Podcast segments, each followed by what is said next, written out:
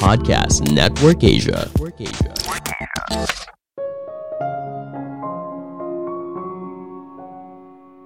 Tidak semua orang berani jujur apabila ada hal yang tidak sesuai di tempat kerja. Kebanyakan orang hanya bergosip di belakang yang sama sekali tidak produktif. Halo semuanya, nama saya Michael. Selamat datang di podcast saya, Sikutu Buku. Kali ini saya akan membahas bagaimana cara memberikan masukan yang jujur tanpa menyakiti perasaan orang lain. Ini merupakan rangkuman dari video TED Talk Betsy Kaufman yang berjudul 4 Tips to Kickstart Honest Conversation at Work dan diolah dari berbagai sumber. Apakah kamu berani bicara apabila ada hal yang tidak sesuai? Misalnya dalam sebuah meeting, ada orang yang memberikan sebuah ide yang menurut kamu tidak cocok. Apakah kamu berani mengutarakan apa yang ada di pikiran kamu? Tergantung pribadi kamu dan lingkungan kerja kamu, mungkin saja kamu tidak berani bicara langsung di depan rapat. Tapi apa yang terjadi? Kebanyakan orang lalu sibuk bergosip di belakang atau di dalam grup chat. Hal ini sangat tidak produktif. Selain tidak memberikan solusi, hal ini malah menimbulkan perpecahan dalam sebuah kelompok. Apakah ada cara yang lebih baik? Apakah ada cara agar kita bisa jujur atas apa yang kita rasakan dan orang lain bisa menerima hal tersebut dengan baik? Sebelum kita mulai, buat kalian yang mau support podcast ini agar terus berkarya, caranya gampang banget. Kalian cukup klik follow Dukungan kalian membantu banget supaya kita bisa rutin posting dan bersama-sama belajar di podcast ini.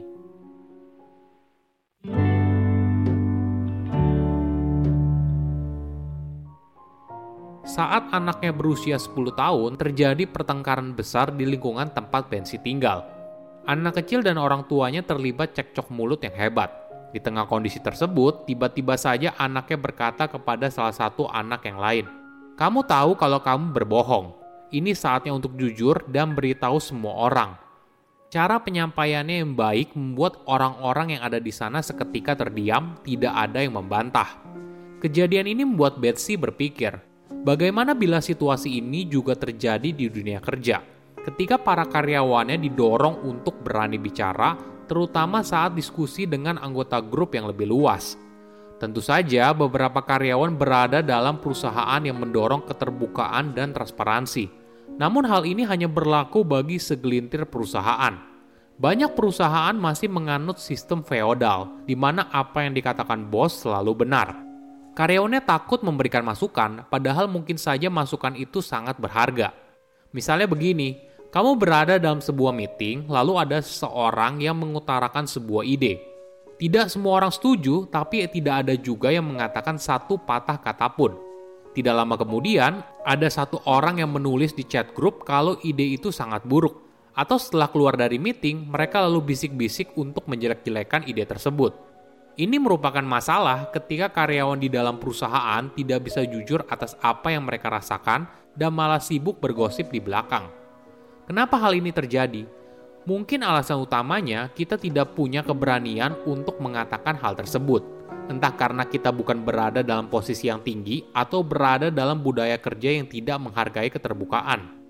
Namun ketika kita belajar untuk terbuka dan jujur, maka hal ini akan membantu kita tumbuh secara pribadi dan juga profesional. Betsy memberikan 4 tips yaitu kepercayaan diri, niat, cara penyampaian, dan selalu berupaya untuk mencari solusi. Pertama, kepercayaan diri. Memang hal ini tidak mudah, apalagi jika kita berbicara dengan seseorang yang punya jabatan yang lebih tinggi. Mungkin saja kita merasa sungkan, takut, dan sebagainya. Namun ini merupakan langkah awal yang penting. Ingat, ketika kamu berada di sebuah meeting, tentu saja kamu dianggap cukup penting dan bisa memberikan nilai tambah pada meeting tersebut. Jangan minder atau takut untuk bicara. Kedua, niat.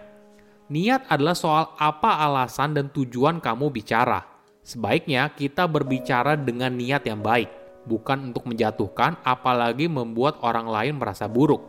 Misalnya, ketika kamu berada dalam sebuah meeting dan kamu tidak suka dengan ide orang tersebut, ketika kamu bicara, niatnya bukan untuk mempermalukan orang itu, tapi berusaha memberikan alternatif ide yang mungkin saja lebih baik saat kamu memiliki niat yang positif, maka hal ini akan membuat lawan bicara lebih mudah menerima apa yang kamu sampaikan.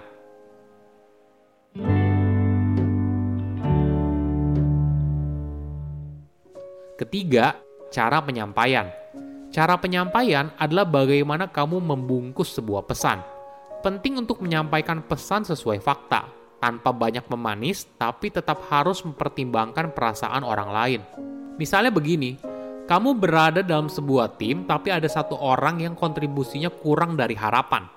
Semua orang tahu hal ini karena satu orang itu selalu jadi gosip saat makan siang atau di grup chat.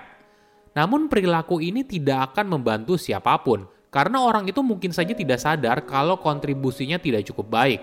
Hingga suatu hari, kamu pun berusaha untuk mengatakan yang sejujurnya. Mungkin bisa seperti ini. Halo semuanya, kamu sepertinya belum mencapai target yang sudah kita tetapkan minggu lalu. Ini adalah fakta. Data tersebut menjadi alasan kenapa pembicaraan ini bisa muncul. Lalu jangan lupa untuk mempertimbangkan perasaan orang itu. Kamu bisa bilang gini, Mungkin kamu boleh share apa sih kendala yang kamu hadapi, apa ada yang bisa kita bantu. Empati dan menunjukkan kalau kamu peduli selalu berhasil untuk mencapai hasil yang diinginkan. Ingat, tujuan utama percakapan itu bukan untuk mempermalukan seseorang yang tidak bisa mencapai target, tapi bagaimana dia bisa mengerjakan tugasnya dengan baik. Keempat, selalu berupaya untuk mencari solusi. Ini merupakan mindset yang penting Kebanyakan orang hanya sibuk mengutarakan masalah, hal apa saja yang tidak bisa berjalan, dan sebagainya. Jika pembicaraan hanya berhenti sampai di sana, maka hal ini tidak produktif.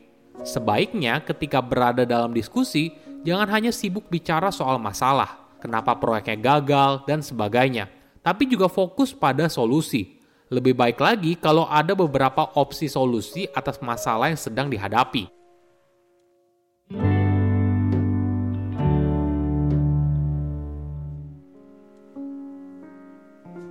Apakah kamu tahu membangun hubungan yang kuat antara kamu dan atasan merupakan faktor penting pada kesuksesan karir dan kebahagiaan secara keseluruhan? Ini artinya bukan menjilat ya, tapi bagaimana kamu dan dia bisa punya komunikasi yang jujur dan saling menghargai. Ingat, sebuah hubungan manusia itu merupakan gabungan dari push and pull. Artinya bukan hanya sibuk memberi, tapi juga menerima. Barulah bisa tercipta pemahaman yang saling menguntungkan.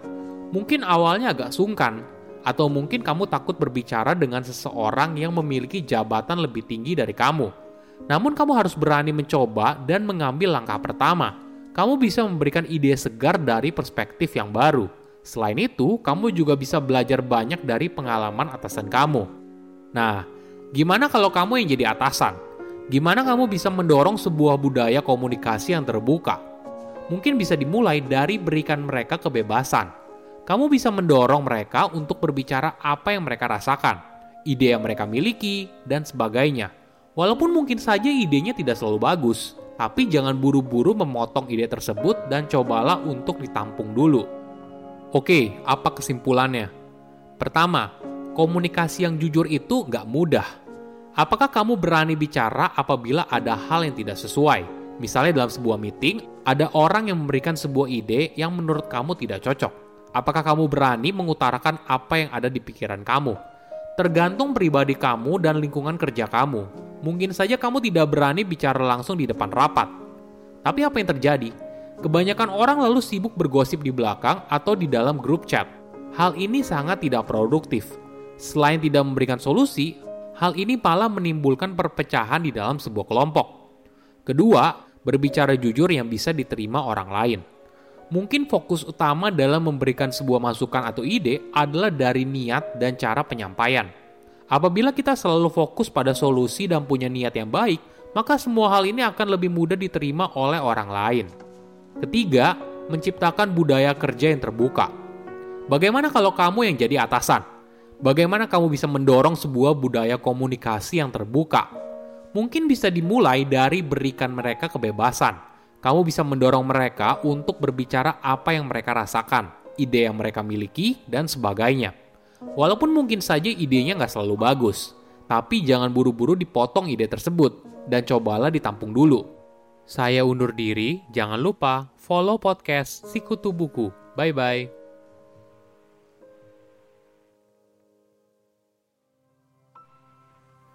Pandangan dan opini yang disampaikan oleh kreator podcast, host, dan tamu tidak mencerminkan kebijakan resmi dan bagian dari podcast Network Asia. Setiap konten yang disampaikan mereka di dalam podcast adalah opini mereka sendiri dan tidak bermaksud untuk merugikan agama, grup etnik, perkumpulan, organisasi, perusahaan, perorangan, atau siapa pun dan apa pun.